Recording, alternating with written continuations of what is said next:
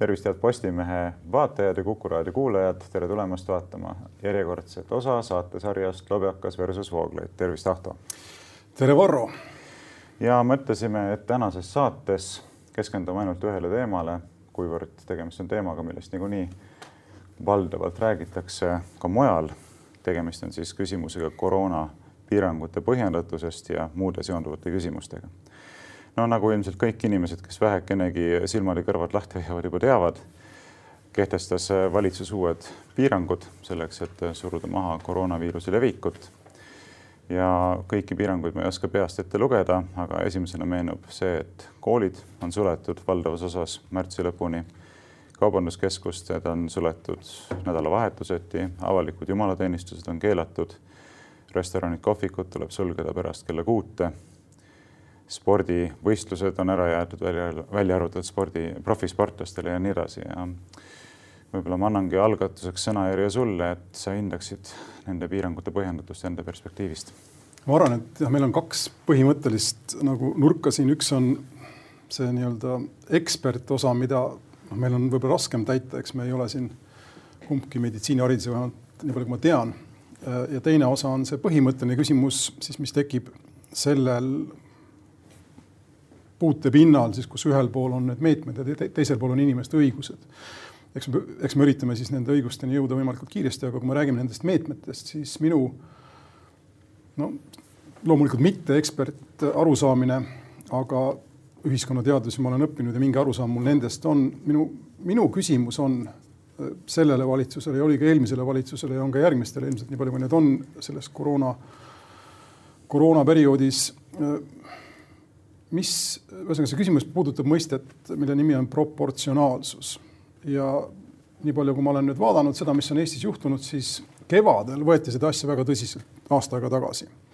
ja noh, rakendati kõik meetmed ja kõik see oli üsna drakooniline ja tegemist oli, nüüd tuleb välja perioodiga, mil see saja tuhande kohta neljateistpäevane haigestumus oli mingi kuuskümmend, täna on see üle tuhande kahesaja, eks tänased meetmed, mis meil nüüd ka rakendatakse, ei ole veel võrreldavad sellega, mis meil kehtisid aasta aega tagasi. muuhulgas oli seal kaks pluss kaks liikumispiirang ja muud sarnast, eks.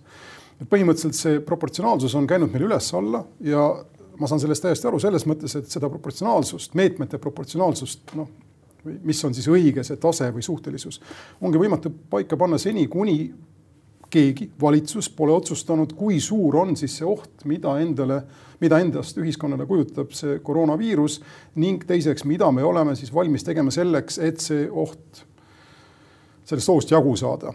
Need kaks asja on paigas, siis on enam-vähem kõik selge, saame hakata arutama seda, kas need meetmed on proportsionaalsed või ei ole. praegu raiutakse koera saba jupikaupa meil on siin sada rinnet avatud, eks. Mingid, ma vaatan Facebookis aeg-ajalt, kes räägib siin sellest, et miks ei vaktsineerita piisavalt kiiresti, kes räägib sellest, miks ei lasta inimestel testida, kiirteste teha, kes räägib siin, ma ei tea, kirikute eriolukorrast ja muust sarnasest, aga praktiliselt kõigil inimestel, valitsus kaasa arvatud, tundub puuduvat selline üldisem või noh, üldine pilt ja mulle tundub muuhulgas, muuhulgas ka seda, et Kaja Kallas, enne kui ta tuli valitsusse, enne kui ta tuli peamin-, enne kui ta sai peaministriks, oli väga kriitiline valitsuse suhtes ja tal võis olla selline mõte, et tuleb, tuleb vali-, kui tema võimule tuleb, siis on kõik lihtne. et koroonaviirusega lihtsalt teeme niimoodi, nagu on mõistlik teha.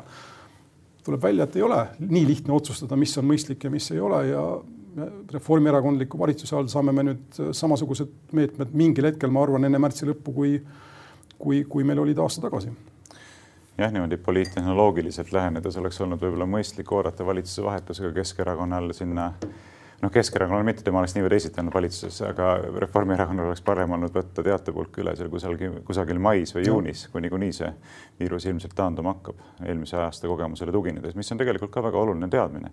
kui sa rääkisid siin ebaproportsionaalsetest reaktsioonidest osutades sellele, et eelmise aasta kevadel rakendati palju ulatuslikumaid meetmeid olukorras, kus äh, nakatumise määr oli palju väiksem, siis muidugi tuleb arvesse võtta ka seda, et äh, seda olulist eristust, et eelmise aasta kevadel äh, teati selle viiruse ohtlikkuse kohta palju vähem, eks.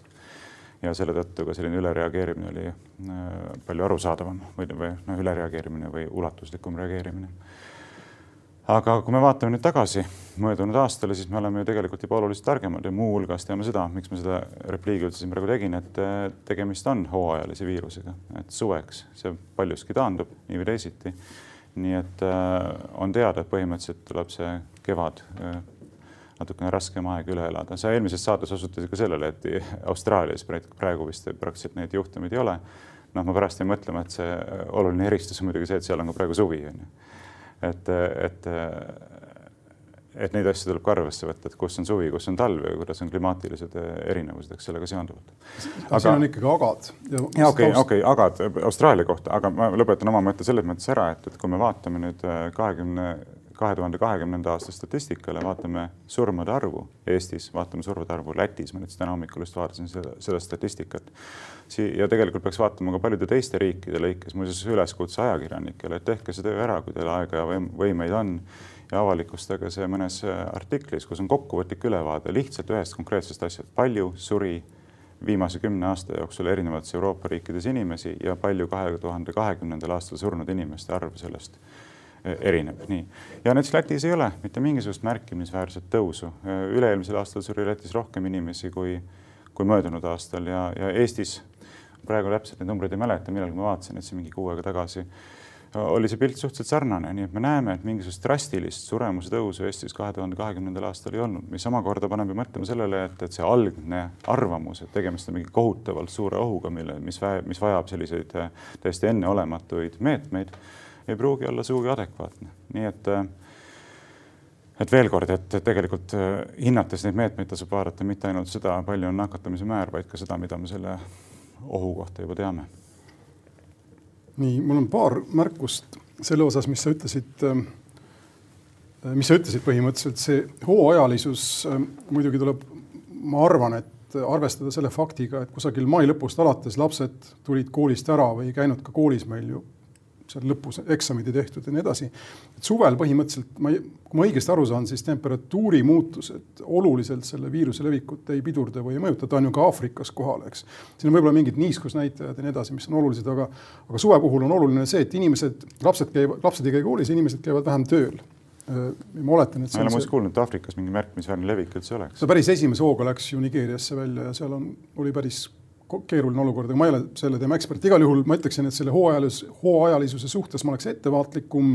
arvata on, et see koroonakõver langeb, aga seal on siis ka oma noh, sellised tausta, taustaparameetrid, mis võivad olla siis lisa nagu lisapõhjuseks, eks, ja Austraaliat, mis puudutab, siis neil oli ikkagi sada kaksteist päeva karmi lockdown'i ja tegemist ei olnud lihtsalt sellega, et tuli suvi ja pühkis selle viiruse ära, vaid nad elasid nende karmide meetmetega ligi neli kuud ja pärast seda alles siis võib-olla, et suve saabumise aidates ja nii edasi, kuulutati seal välja siis olukord, kus nii-öelda omatekkelist koroonat neil riigis ei ole ja ikkagi põhiline on siin need meetmed. küsimus on nüüd selles, et. no see spekulatsioon, eks. väga vabalt võib olla ka, tegemist ongi hooajalise viirusega, mis taandubki suvisel, suvisel, suvisel ajal, et ükski. meie eelmise aasta kogemus näitas seda väga selgelt et, et see absoluutne tõestus on, aga väga paljud faktid osutavad sellele, et tegemist on hooajalise viirusega, nagu gripiviiruse näol on tegemist hooajalise viirusega, miks siin peaks olema mingi märkimisväärne erinevus nende vahel? no isegi kui ta seda on, siis. Äh, suvel ju grippi praktiliselt ei esine. ja, aga isegi kui ta seda on, siis põhimõtteliselt ta tuleb tagasi, eks septembris ja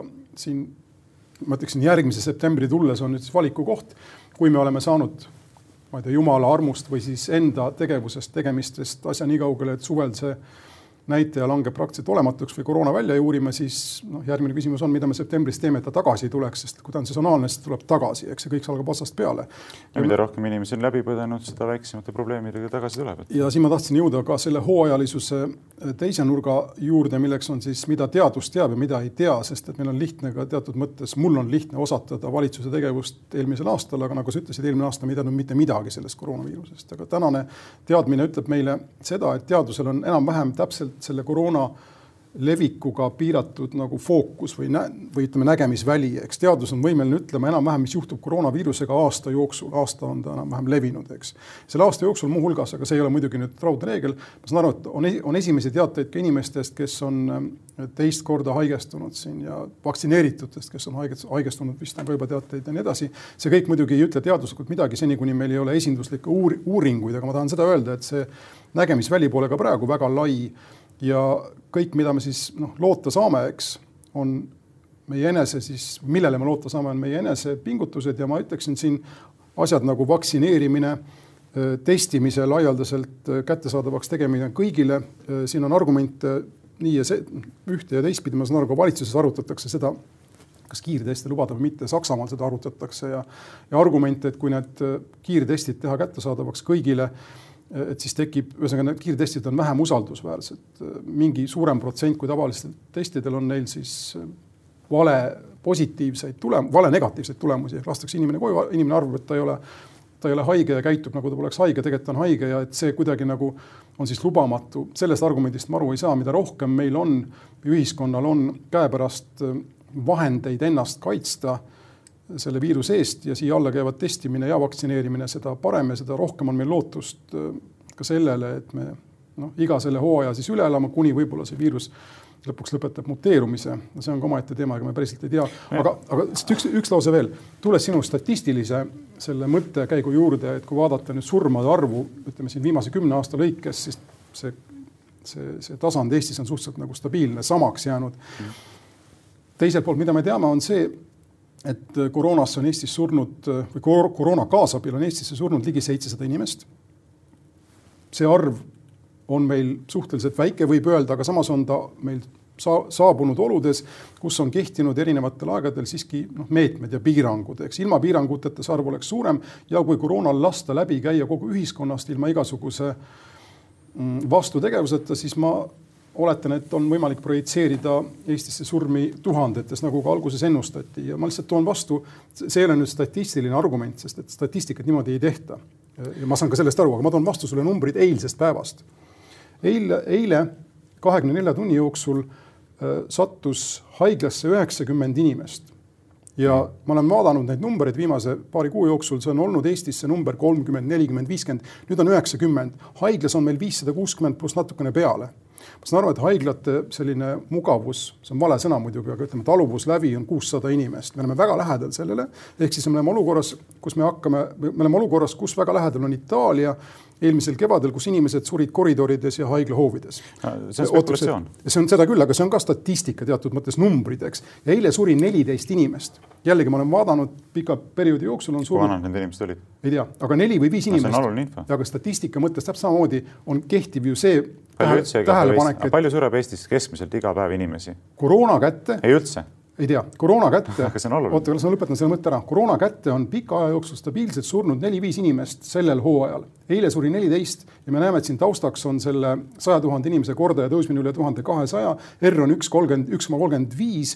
kõik see ütleb meile seda, et meie haiglate taluvuslävi on väga lähedal inimesed hakkavad surema varsti ebainimlikes oludes, olgu nad no, vanad või noored. aga minu, minu meelest niimoodi ei peaks arutlema, sellepärast et äh, see on spekulatiivne me peaksime ikkagi lähenema asjale hoopis teistpidi, peaks küsima selle kohta, et äh, esiteks äh, need numbrid, mida sa mainisid, ei ole tegelikult nagu sellised tõsikindla info edasiandjad, et kui sa räägid, et on surnud siin kuussada või seitsesada inimest. tervise Arengu Instituut avalikustas jaanuari keskel info, et kahe tuhande kahekümnendal aastal koroona tõttu suri mitte seal üle viiesaja inimese, vaid kakssada üks inimest. et ülejäänud inimesed ei surnud koroona tõttu ja, ja see on tegelikult asi see on viga, mida tehes inimesed levitavad otseselt valeinfot. näiteks peaministergi siin hiljuti tegi ava-, endine peaminister, vabandust, jah, olukord on muutunud, Jüri Ratas tegi postituse, pani seal küünalt süütas, niisugune hästi emotsionaalne postitus oli, et süütan küünla kõigi nende viiesaja, ma ei, ma ei mäleta, kui palju inimese mälestuseks, kes koroonaviiruse tõttu oma elu kaotasid. Aga see on vale, ei ole koroonaviiruse tõttu nii palju kaotanud, rohkem kui poole vähem on neid inimesi. Nii et nende asjadega peaks ka olema ettevaatlik, vastasel juhul tekib küsimus, et kas inimesed sihilikult avalikkust, eh, avalikkust eksitavad, puhudes probleemi suuremaks, kui see reaalselt on. et näiteks Jüri Ratase näol ei ole ju tegemist inimesega, kes ei ole piisavalt informeeritud, et ta ei teaks neid asju, noh. kes siis veel peaks olema piisavalt informeeritud, kui mitte endine peaminister, eks? Eh, aga, aga, aga see on otsene valeinfo levitamine, huvitav, selliste asjade suhtes ei taha, taha meedia eriti seda faktikontrolli teostada. nii et see on esimene asi ja teine asi kui sa räägid siin, noh, tegelikult sa rääkisid nii paljudest asjadest, ma peaksin punkt punkti haaval tulema, rääkisid testide usaldusväärsusest ja nii edasi. küsimus ei ole ainult kiirtestide usaldusväärsuses, küsimus on ka nende RT, PCR, PCR-testide usaldusväärsuses, eks. et see on ju teema, mida on tegelikult väga tõsiselt ja järjest rohkem hakatud üles võtma, et need testid ei ole usaldusväärsed eks, ja, ja on väga tõsine küsimus näiteks, kuidas neid teste kasutatakse, eks seal võimendatakse neid viiruse osakesi läbi erinevate tsüklite, mis nende testide käigus siis tehakse, eks, või testide töötlemiseks tehakse, selleks, et leida sealt mingisuguseid viiruse osakesi, eks, aga mida rohkem seda võimendad, seda suurem tõenäosus on, et sa neid osakesi sealt ka leiad, eks. Ja lõpuks, kui ütleme, sa võimendad seda piisavalt palju, midagi sealt leiad, aga see kogus, mida sealt leiad, võib olla nii pisikene, et inimene ei ole mitte kellelegi mitte kuidagi nakkusohtlik, eks. Ja ma tean, et seda teemat hakatakse erinevates riikides järjest rohkem üles tõstma ja Portugalis on juba üks kohus langetanud ka otsuse, et selli-, nii ebausaldusväärsele testile tuginedes ei saagi inimeste põhiõigusi nii ulatuslikult äh, piirata ja nii edasi. aga, aga nüüd see haiglate äh, kuidas on siis äh, võimekuse lävendi juurde tulles on minul ka küsimus selles, et ma tahaksin teada, kui palju on aasta jooksul seda võimekust tõstetud. Et me praegu räägime sellest, et meil ei ole muud varianti, kui ühiskond lukku panna ja inimesi massiliselt vaktsineerida. aga võib-olla meil piisaks sellest, et kui meil oleks kolmsada, nelisada, viissada kohta rohkem võimalik tekitada. aasta aega on olnud aega, et sellega tegeleda.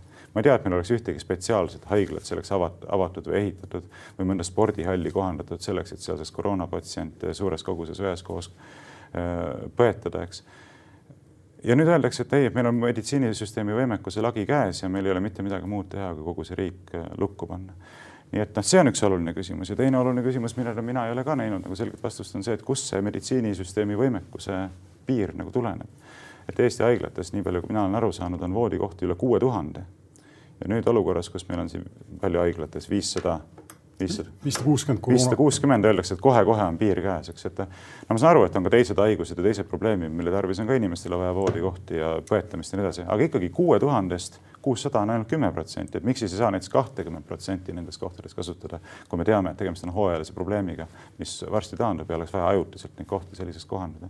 et mulle, minule, minu jaoks ei ole rahuldavad sellised selgitused, kohe-kohe on käes ja kohe-kohe on paanika lahti ja siis vaadake ise, kuidas te ennast päästate, et see on selline emotsionaalne hirmuõhkkonna üleskloppimine, mina tahaks näha nagu konkreetselt faktidega, numbritega põhistatud selgitust, et miks on nii, et meditsiinisüsteem ei ole suuteline rohkem patsiente vastu võtma. ma oleks tõeliselt üllatunud, kui äh, sa läheksid Tervishoiuameti kodulehele ja sa ei leiaks hea või ütleme siis mingi piisava otsimise tulemusena sellist, just sellist faktimaterjali. ja sind kuulates ja noh, ka ennast kuulates ja mõeldes sellele, mida ma ütlen, mul tekib tõsine tahtmine panna sellele saatele selline äh, tervishoiuhoiatus ka enda jutule, eks, sest ega me tegelikult ju ei tea, millest me räägime ja see kogu see kriitika, nii minu kui sinu kriitika on teatud mõttes äh, informeeritud tavainimese, igamehe kriitika. ütleme tava, tavainimesest võib-olla veidikene informeerituma igamehe kriitika ja. ma arvan, et keegi ka ei arva, et siia on kaks mingisugust, ma ei tea, mingit tohutut spetsialisti tulnud rääkima. aga lihtsalt küsimus on selles, et me oleme, me elame ühiskonnas, kus inimesed suuresti tänu sotsiaalmeediale ja sellele, mis on juhtunud Facebookis, see iseorganiseerumine ja nii edasi, eks on, on, on vastuvõtlikumad igasugusele infole ja just infole, mis tuleb inimestelt, keda nad usaldavad ja ma kujutan ette, sinu puhul see kehtib rohkem kui minu puhul, andku jumal, et keegi mind usaldaks, eks, aga ma saan, ma arvan, et sa saad aru, mida ma, seda psühholoogiat, mida ma üritan kirjeldada. et isegi see, mida me siin ütleme, kui me ütleme seda ka nii-öelda jutumärkides või ütleme, et me tegelikult asjast midagi ei tea, tal on oma autoriteet ja see, ja seegi on ohtlik ja ma tahaksin väga lühidalt arendada ühte mõttekäiku, mis mul on siin. ma, ma, ma, ma ei võta siit jutu järgi üle, aga ma ütlen lihtsalt omalt poolt nii palju, et ega meie ju ei väidagi praktiliselt mitte midagi, et mina nagu tunnen, et oluline on esitada küsimusi, et ja see on see probleem, mida ma näen, et palju, paljuski on loobutud küsimuste esitamisest, et kuidagi hirmuõhkkond on halvanud inimeste kriitilise mõtlemise ja nüüd on hakatud rohkem nagu stiimulitele reageerima, selle asemel, et ise nagu üritada mõelda ja sõnastada neid küsimusi, millele oleks tegelikult tarvis vastuseid. vabandust, aga siin hakkab kehtima väga varsti see printsiip, et sada lolli jõuavad rohkem küsida kui üks tark vastata. ja see ei ole mõeldud, mõeldud nagu kriitikana sinu pihta, aga üldiselt, kui ma kujutan ette, et kui tervishoiuspetsialistid. räägid ainult enda nimel ja hetkel küll, et kui mina, minagi tahaks küsida ja küsin aeg-ajalt ja nii edasi, eks kui ma küsin ja ütleme ma saan aru, et ka inimene minu kõrval ja järgmine, sajad inimesed küsivad igaüks omalt positsioonilt, aga seletage mulle palun ära. Need tervishoiueksperte, kelle tööks ei ole mitte küsimustele tingimata vastata, vaid nende tööd teha, on meil noh, käputäis, eks. tervishoiu eksperdid, tervishoiu eksperdid, ma räägin poliitikutest. nii, aga poliitikuid sa ju ei usalda. ja, ja, mina ütlen, et sellises olukorras ei ole rahuldav öelda, et sada lolli jõuab rohkem küsida kui üks tark vastata, sellepärast et me räägime inimeste väga oluliste põhiõiguste ja vabaduste ulatustest. aga me ei ole veel sinna jõudnud praegu. me räägime olukorrast, kus nende piirangute tõttu inimeste ärid pankrotistuvad, inimesed kaotavad oma töökohad, kaotavad sissetulekud, kaotavad oma kodud, kaotavad perekonnad purunevad, lapsed jäävad vanematesse. aga siis, siis sellises olukorras ei saa öelda, et jah.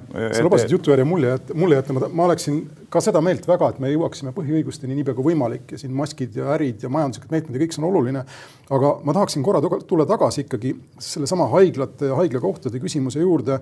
ja noh, sa ütled siin, et kuus tuhat haiglakohta võiks meil olla või on või mis iganes. väidetavalt on rohkem kui kuus tuhat haiglakohta. ja mina enda täiesti profaanselt positsioonilt võin sulle öelda, olles lehti lugenud, et äh, meie probleem äh, tundub, mitte lehti lugenud tingimata, vaid raadiouudiseid kuulanud.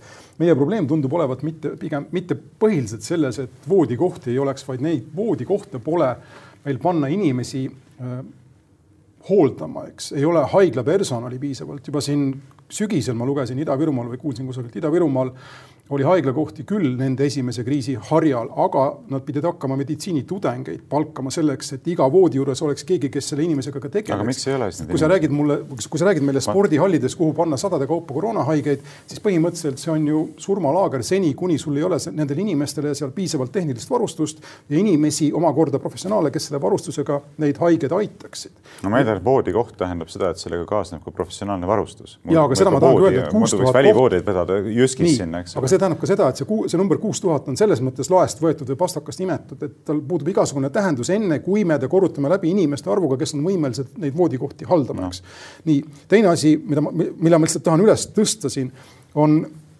jälle kuulsin raadiost, meil on viiskümmend inimest circa praegu intensiivravil, eks.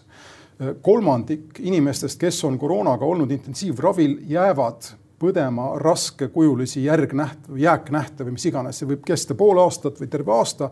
Nende eest on vaja ka hoolitseda, nende inimeste arv, mis praegu on suhteliselt väike, tõuseb samamoodi ju selle kriisi jooksul, eks. järelikult siin on mitu vinna, millega see kriis survestab meie tervishoiusüsteemi, mitte ainult see küsimus, palju on haiglakohti nende inimeste ravimiseks, kes on koroonas, vaid ka üha enam küsimus sellest, palju on meil ressurssi selleks, et ravida inimesi, kes no, koroonast jäävad kuidagi puudega, kellel tekib mingisugune, ütleme sihuke korduv krooniline krooniline palju neid inimesi probleem, on, kes puudega jäävad? no põhimõtteliselt ütleme selle kroonilise puudega, kui meil on viiskümmend inimest täna intensiivravis, ma ei tea, kui pikalt on iga inimene intensiivravil, aga ütleme siis viisteist tükki, viisteist neist jääb vajama haigla või tervishoiusüsteemi kõrgendatud tähelepanu, vabandust kantseliidi eest, eks, aga see kõik kumuleerub ja loomulikult peab sellest keegi üle käima, spetsialistid ja poliitikud, aga lihtsam on, ma ütlen, lihtne on küsida ja süüdistada, aga ma tahan kusagile mujale jõuda hoopis. kui ma, tohin korraks. aga kui sa midagi olulist ütled, jäta mulle võimalus vastata vähemalt.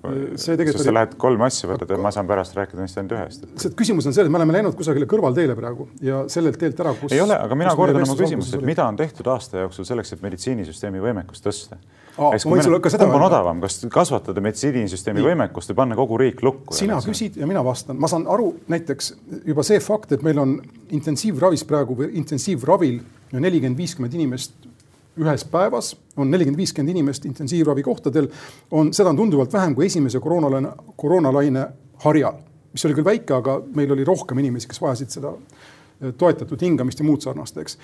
on õpitud, ma saan aru, koroonaviirust ravima efektiivsemalt, kiiremini reageerima sümptomitele ja nii edasi, et intensiivravi ei ole vaja nii palju kui varem. ühesõnaga, süsteem on arenenud päris selgesti. küsimus, kus ta arenenud ei Võib ole, on vaktsineerimised, on testimise lubamine või mittelubamine, need, need on tähtsad otsused, mida meie poliitilised juhid ei ole suutnud teha ilmselt siis ühes, ühte silma hoides sellel, mida rahvas arvab, mis juhtub nendega järgmistel valimistel, eks. ja siin oleks minu kriitika teravik poliitikute suhtes, aga mitte professionaalide ja, ja inimeste suhtes, kes tegelikult tegelevad raviga, sest et nendel on üha raskem. aga mul oli üks muu no, mõte no,. ja me oleme kusagilt saate poole peale, võib-olla sellega olekski õige hetk keerata kogu saade põhimõttelisematele küsimustele.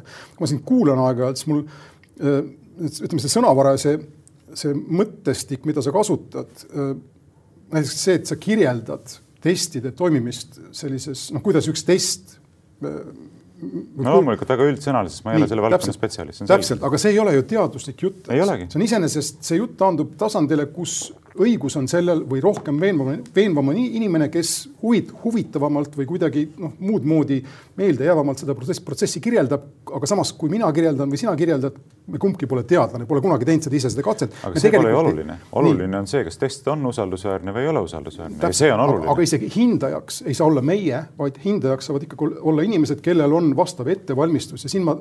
absoluutselt. siin on üks oluline küsimus mida ma tegelikult tahaksin, mille ma tahaks sulle esitada laiemalt ja see ei puuduta ainult seda teemat, aga siin. aga sellele probleemile näiteks osutanud ka professor Taivo Maimets. aga miks, ühesõnaga, miks on asjad. peaks nagu asja, asja jagama. miks on niimoodi, et kui me räägime statistikast, siis ma sind kuulates tegelikult ka ennast kuulates aeg-ajalt jõuan kiirelt muljele, et, et, et meil on valed, suured valed ja siis on statistika, et me ei usalda statistikat, et me arvame, et statistikat kasutatakse meile kärbe, kärbeste pähe ajamiseks, et kasutatakse mingitel konspiratiivsetel eesmärkidel poliitikute poolt, keda ei saa usaldada. vaktsiinid, täpselt sama mõte, eks, milleks vaktsineerida, sina arvad, et võetakse põhiõigusi ära, on inimesi, kes, palju inimesi, kes arvavad, et sellega tahetakse inimesi haigeks teha, eks. ma ei tea, mis seal vaktsiinide kõrvalmõjud ja nii edasi, aga alati on see konspiratiivsuse element seal sees ja üha suurem on inimeste arv, kes arvab, et nad saavad aru sellest, millest nad räägivad, kui nad suudavad A, B, C tasandil kirjeldada mingit teaduslikku protsessi. aga see on ohtlik areng meie ühiskonnas. Need asjad ei ole mõistetavad igale inimesele, kes ei ole seda haridust saanud, et neid asju analüüsida. aga analüüsida tahab igaüks ja analüüsimine ise tundub olevat muutunud meil põhiõiguseks. ja siin ma tahaks selle joone tõmmata. analüüsimine ei ole siis põhiõigus? no ütleme niimoodi, et teadusliku analüüsi tegemine ei saa olla meil õiguseks, kui me ei ole teadlased. kriitiline mõtlemine on minu meelest vägagi põhiõigus. aga siin me tuleme tagasi minu tähelepaneku juurde, et me peame mõelda kriitiliselt ma ei tea, siit kuni viimse, viimse päevani ja keegi peaks vastama küsimustele, aga neil inimestel, kes peaksid meie küsimustele vastama, on tegelikult teised töökohad ja, ja ei, muud tegemised. ei ole, see on oluline osa nende tööst. et kui te rakendate näiteks meetmeid riigis, mille tõttu inimesed, ma nüüd tulen tagasi oma eelnevalt öeldu juurde, mida sa ei tahtnud mul lasta lõpetada, kaotavad Vabandust. oma, kaotavad oma ärid, mis pankrotistuvad, kaotavad oma töökohad, selle tõttu kaotavad oma sissetuleku, selle tõttu kaotavad oma kodu võib-olla lähevad perekonnad puruks, lapsed jäävad tervikliku perekonnata, sellest tekivad psüühilised ja psühhiaatrilised probleemid, kasvavad igasugused meelemürkide kasutamised, võlad, narkootikumideks, need igasugused antidepressandid, asjad, ühesõnaga kõikvõimalikke probleeme tekib ühiskonnas inimestele selle tõttu, et rakendatakse meetmeid nende suhtes. nii, ja, ja selles olukorras me ei saa öelda, et teil ei ole õigust küsida küsimusi või teil on kuidagi põhjendamatu omada sellist ootust, et teile tuleb kõik asjad ära selgitada. tulebki selgitada, sellepärast et me räägime inimeste põhiseaduslikest vabadustest ja õigustest, mida ei saa kergekäeliselt piirata ja mida ei tohi piirata ilma et on teaduslik alus nendeks piiranguteks, et, et need reaalselt on vajalikud ja efektiivsed. et meil kuidagi on nüüd niisuguse rohke propaganda kaudu tekkinud selline eeldus, et see on mingisugune kapriis, kui sa ütled, et sinu põhiseaduslikke õigusi ja vabadusi peaks austama ja et ei tohigi niisama kergelt piiranguid spekulatiivsetel alustel kehtestada. ei, see ei ole mingi kapriis, see on printsiip, see on reegel ja sellest tuleb kinni pidada igasuguse kriisi ajal, isegi sõja ajal, eks ei saa olla sellist asja, me, me mõtleme, et äkki sellest asjast võiks kasu olla ja selle tõttu me käsime teil näiteks oma ärid kinni panna kõik ja inimeste äri läheb pankrotti. see on lubamatu, see on lubamatu riigivõimu kuritarvitamine. ja vaata, siin ma olengi printsipiaalselt erineval arvamusel sinuga, et, et kui tahetakse mingisugust piirangut kehtestada, peab olema teaduslik tõestus, et see on vajalik, tõhus ja proportsionaalne ja seda peab olema suuteline valitsus ka selgitama ühiskonnale, vastasel juhul on see asi äh, lubamatu. ja vot siin me olemegi nüüd põhimõtteliselt territooriumil ja ma arvan kusjuures, et meie tegelikud positsioonid ei erine üksteisest nii väga, kui sa, kui sina tundud arvavat. lihtsalt meil on vaja teha see eristus ära, millele ma siin viitasin ja mida ma nüüd üritan uuesti selgemalt siis sulle selgitada või ennast seletada või mis iganes. vaata seni, kuni me räägime sellest, millised on selle kriisiga võitlemise ühiskondlik majanduslikud, majanduslikud, psühholoogi, ühiskondlik, psühholoogilised ja nii edasi kulud, eks. me oleme kindlal pinnal, see on koht, kus poliitikud ja inimesed, kes mõtlevad ühiskonnast, saavad seda kalkulatsiooni noh, nii-öelda järele, ise teha, järele teha, seda, seda analüüsida, erinevaid vaatenurki, erinevaid vaatenurki sisse tuua, ma ei tea, moraali, eetik, eetilist perspektiivi anda sellele ja nii edasi, eks. ja see on see koht, kus ma toon tagasi selle, sisse selle sõna proportsionaalsus. see on puhtalt poliitilise otsuse küsimus, ühiskond otsustab siin vastavalt sellele, noh, kuidas iga inimene neid küsimusi näeb, kuhu ta selle tasakaalu asetab, eks. aga kui sa tood siia sisse vajaduse teaduslikult elanikkonnale põhjendada või avalikkusele põhjendada otsuseid, siis loomulikult on sul õigus, aga kui need põhjendused lõpuks lähevad tagasi uuringutele, mis on avaldatud ajakirjand-, ajakirjades nagu La, The Lancet ja Nature, eks, siis tee mulle nii-öelda ring sellest ruudust, mis ütleb, eks, et inimene, tavaline inimene ei oska lugeda, ei ole võimeline lugema teaduslikke tekste ta lihtsalt, tal ei ole seda haridust, ma tulen selle, selle, selle mõtte juurde tagasi, oota ja niipea kui sa hakkad talle seda lihtsustama, talle seda suupäraseks tegema, siis sa paned selle filtrisse, kus teadus läheb kaduma ja kus oluline on selle filtri atraktiivsus või tema selle filtri no, toimivus, eks. ja see, see on minu jutt, see on sinu jutt, see on poliitiku jutt, aga teadus ei, definitsiooni kohaselt, kui sa pole käinud ma ei tea, neli aastat ülikoolis teinud magistri ja siis doktori, sa ei saagi aru geneetilisest uurimusest, mis avaldatakse ajale, ajakirjas äh, The Lancet näiteks, see on ju, see, see, see käib asja juurde. ja, aga siin on kaks eraldi tasandit, üks tasand on see, et inimesed ei saa aru sellest tõendusmaterjalist, mida neile esitatakse. teine tasand on see, et ei olegi sellist tõendusmaterjali tegelikult esitatud et on esitatud kõikvõimalikke hirmujutte ja spekulatsioone, emotsionaalseid selliseid hüüatusi, aga reaalset tõendusmaterjali esitatud ei ole. toome ühe lihtsa näite näiteks, see on küll lihtne asi, ma toon isiklikust, isiklikust äh, kogemusest sellise näite. minule, minu suhtes ja ma ei taha öelda, et see on minu tohutu suur probleem, lihtsalt puhas näide lihtsalt äh, for the sake of the argument, nagu öeldakse, argumendi huvides. et minule on kehtestatud kohustus kanda kaubanduskeskusesse minnes näiteks maski, millel puudub igasugune reaalne mõte. see on näide täiesti selgelt mõttetust piirangust miks peavad inimesed, kes on hiljuti läbi põdenud koroonaviiruse, seda maski kandma ja kui ei kanna, siis väänatakse, nagu me oleme näinud, eks ole, eh, turvameeste poolt sellili pannakse käed raudu ja nii edasi.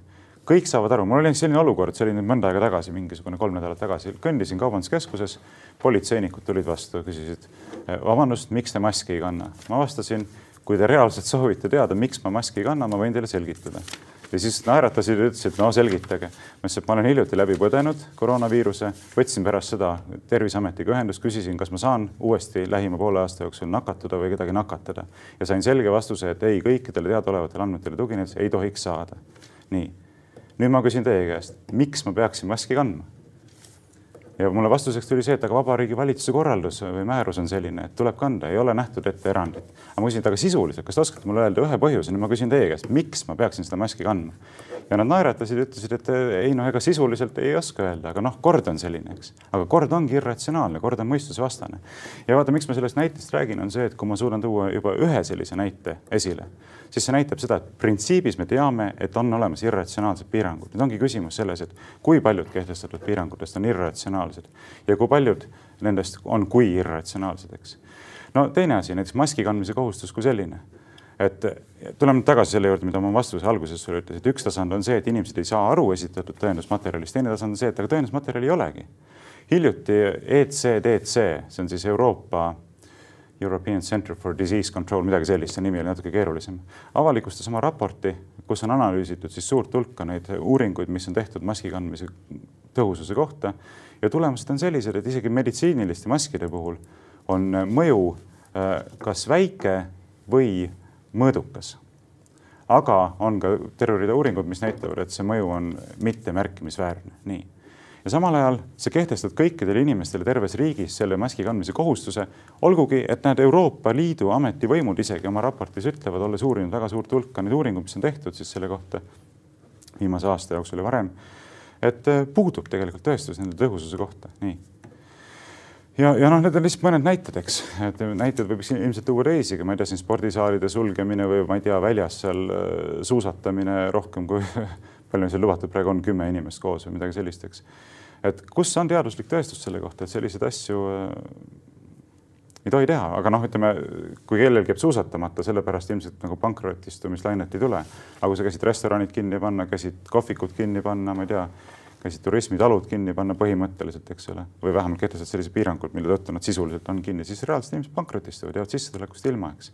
ja, ja sa oled kehtestanud need meetmed ilma teadusliku aluseta, mis on tegelikult äh, lubamatu. õigusriigis on selline asi lubamatu ja, aga sa nagu eeldad, su eelduseks tundub olevat, et meie valitsejad peavad olema kõike teadvad ja ma ei tea, kõikvõimsad. kõike ei pea teadma, aga kui nad kehtestavad piirangud, nad peavad teadma, et nendel on reaalselt teaduslikult tõestatud äh, tõhusus, et äh, mõju vajalikkus. nii, äh, me jõuame nüüd teaduse juurde. sa tsiteerisid siin midagi inglise keeles ja ma käin sulle vastu ühe inglisekeelse mõttetera või tähelepaneku või mis iganes ta on. Absence of evidence ei ole sama asi, mis evidence of absence ehk siis see, et kui sul on tõendusmaterjal, ühesõnaga, tõendusmaterjali on vähe või see täiesti puudub, siis ei tähenda seda, et see, mille kohta teda on vähe või mille kohta ta puudub, teda ennast ei oleks olemas. me oleme siin olukorras, kordan ennast, eks, kus meil on teadusel täpselt üheaastane aken, mille sees see koroonaviirus on vaadeldav, eks. Üks aasta on väga lühikene aeg kõige selle jaoks. Ja loomulikult palju kohta, palju, paljude asjade kohta on olemas meil ainult teadlaste noh, oletused, ennustused, mingisugused spekulatsioonid ja nii edasi, eks tõenäosused. Ja loomulikult on vastupidiseid arvamusi või siis täiesti ütleme, materjali või tõendusmaterjali puudumist, aga kui sa räägid siin põhimõtteliselt äh, ütleme siis teaduspõhisest lähenemisest ja nõuad teaduslikku tõestust, siis sa juba nõuad, minu arvates nõuad teaduselt esiteks liiga palju kuna nagu ma ütlesin, teadusel on aega olnud väga vähe aega, et sellega tegeleda. me nõuame teadust, me nõuame poliitikutelt.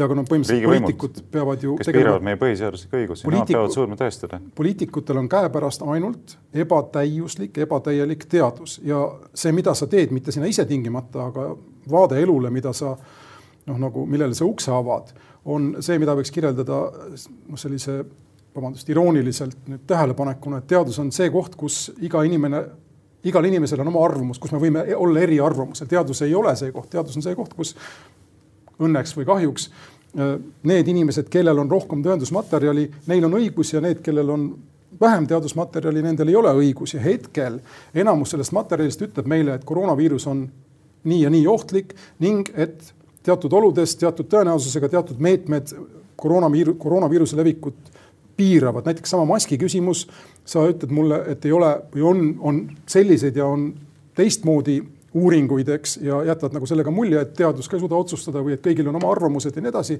aga meie enda kogemus siin näitab, et kui kusagil oktoobri algusest peale see maski, maski kandmise poolkohustus äh, Eestis tuli, siis oli eesmärgiks seda R-i ehk siis nakatum-, nakatamiskoefitsienti, äh, mis on. novembri alguses, jah kusagil siis jah, et siis oli plaanis valitsusel või soov valitsusel jõuludeks võtta nakatumiskoefitsient ühe koma kahekümne viie pealt, mis ta siis oli, kusagil null koma kaks protsendipunkti või null koma kaks punkti väiksemaks. ja see, kusjuures saavutati, see R läks ühe peale siin mingil hetkel aasta alguses, nüüd ta on uuesti ühe koma kolmekümne viie peal ja seda noh, paljudel põhjustel, üks on ka see põhjus, et inimesed ei kanna maski piisavalt, aga teine põhjus, ma arvan, on ka selles.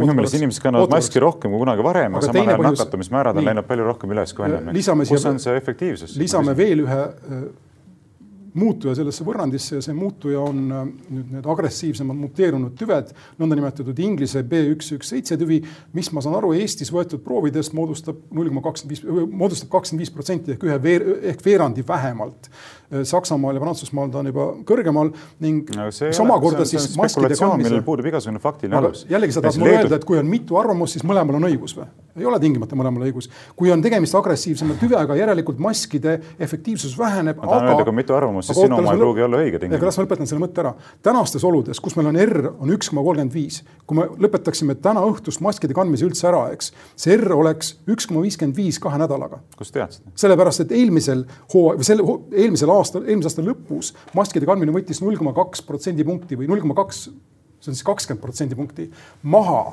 Äh, seda R-i. kohustus pole lakanud kordagi selle aja jooksul. mis ole, mis, mis. kohustus kanda maski avalikes siseruumides. ei, aga ma tahan seda öelda. Et... järsku läheb üles nagu suurelt. sa annad selle mingi Suurbritannia tüve arvele, aga ei. Leedus kehtestati näiteks augusti alguses juba see maski kandmise ja, kohustus. mingit Suurbritannia tüve ei olnud kuskile, mitte midagi ei mõjunud, numbrid tõusid lihtsalt. aga meil, meil on nagu võimalik seda näidata ja on loogiline põhjus oletada, et mida vähem inimese süljeosakesed levivad, seda vähem on temast teatud distantsil seisva inimese siis nakatumis eks, see on ju loogiline. aga noh, vaata näiteks aasta aega tagasi oli selline uudis olemas, ERR on selle tänaseks maha võtnud juba, et teda ei saaks enam jagada. PERH-i arst, maskiga peaksid avalikus kohas käima haigestunud, mitte terved.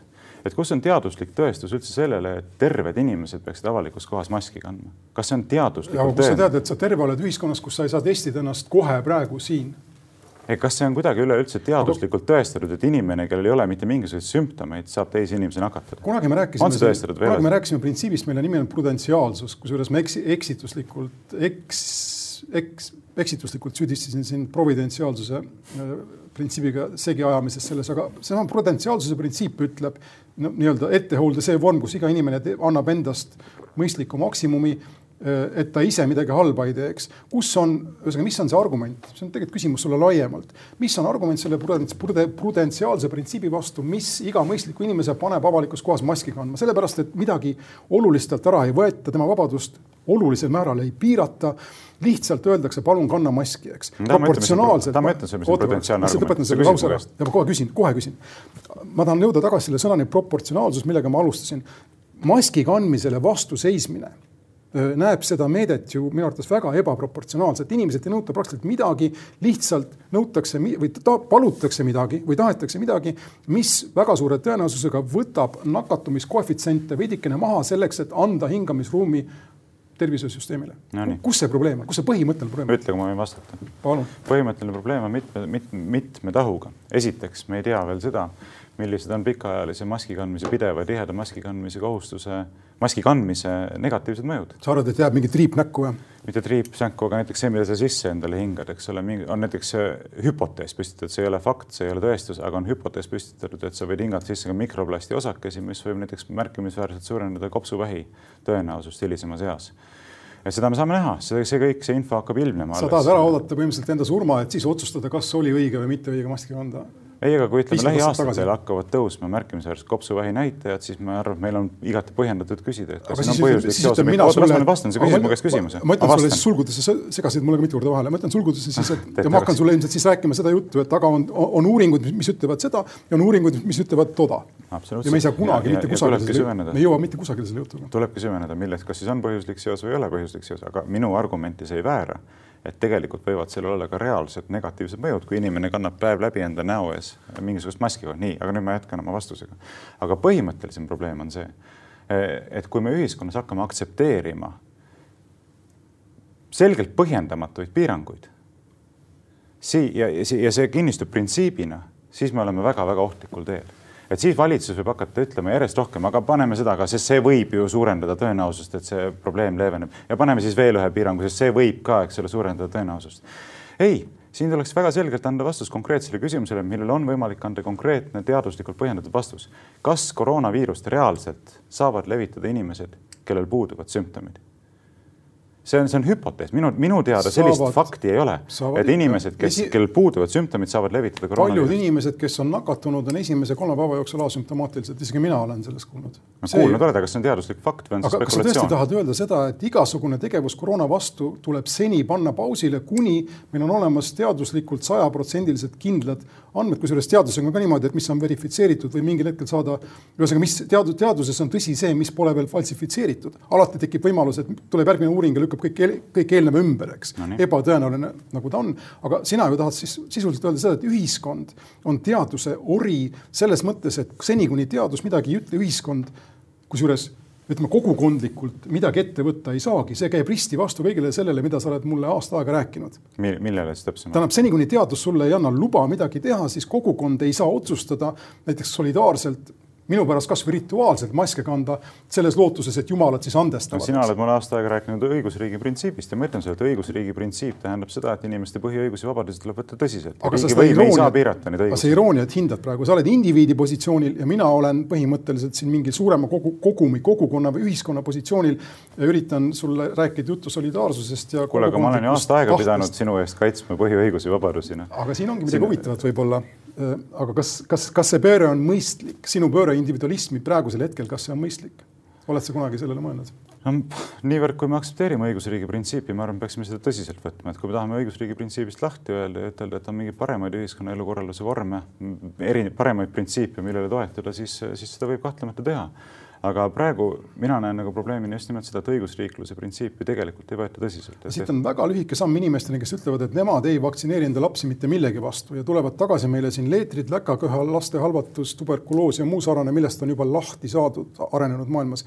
tähendab, see on see vaktsiiniühendus siin, eks, vaktsiini seos no,. ja täpselt on, sama argument kehtiks siin tegelikult vaktsiinidest me ei jõudnudki eriti palju rääkida, aga seda võiks ka praegu küsida, et see massiivne vaktsineerimise propaganda on minu meelest ületanud kõik mõistuslikkuse piirid. näiteks kuidas president kutsub oma selles ühes aastapäeva kõnes. palun teid vaktsineerida, laske ennast kõik vaktsineerida. miks, tead, miks, tead, miks president noored inimesed, kellel ei ole seda mitte mingisugust. president tahab minna Afganistani ja tal ei lasta minna, sest et ta ei saa äh, järjekorrast väljaspool ennast vaktsineerida lasta. sai kätte selle. sai kätte, aga siis ta jõudis valitsusele nii palju ajudele käia, et valitsus talle lõpuks lubas, aga tema soov oli minna Afganistani. no selge, aga, aga veel üks väga oluline küsimus minu meelest, miks peaksid kõik inimesed laskma ennast vaktsineerida? ma vaatasin Eesti Päevaleht, Delfi avaldas mingisuguse artikli, kus mind ka survestati, hakka nüüd oma autoriteeti kasutama selleks, et öelda kõigile, et laske ennast vaktsineerida. ei hakka. aga sellepärast, et tekiks seitsekümne protsendi äh, tasandi karjaimmuunsus, mis annaks meile lootuse, et vähemalt üheks hooajaks saab loobuda piirangutest nagu maski kandmine. noortele inimestele, kellel ei kujuta see viirus ennast mingit märkimisväärset ohtu, on tunduvalt mõttekam see lihtsalt läbi põdeda ja samamoodi karjaimmuunsuse tekkes. seni, kuni ta põeb, käib ta enda vanaemaal külas, käib ta enda, ma ei tea, tuttavatel külas, ta levitab seda haigust ja see on see,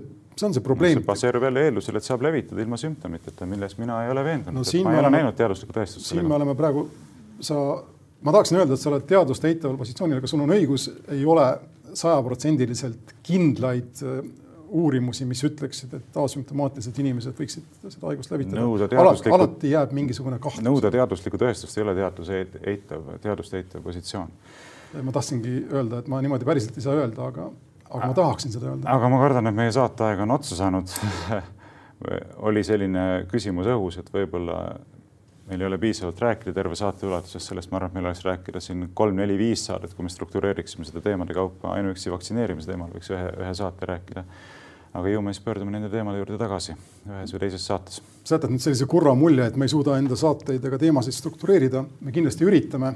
ei, võtame... mitte seda ma ei tahtnud öelda, aga ma tahtsin öelda seda, et palju ei rääkimata. ma ironiseerin, aga saame inspiratsiooni sellest, mis sa just ütlesid ja ma usun, et siin on küll ja küll küsimusi, mille juurde tulla tagasi võib-olla veel selgemini ja paremini kui täna teeme nii.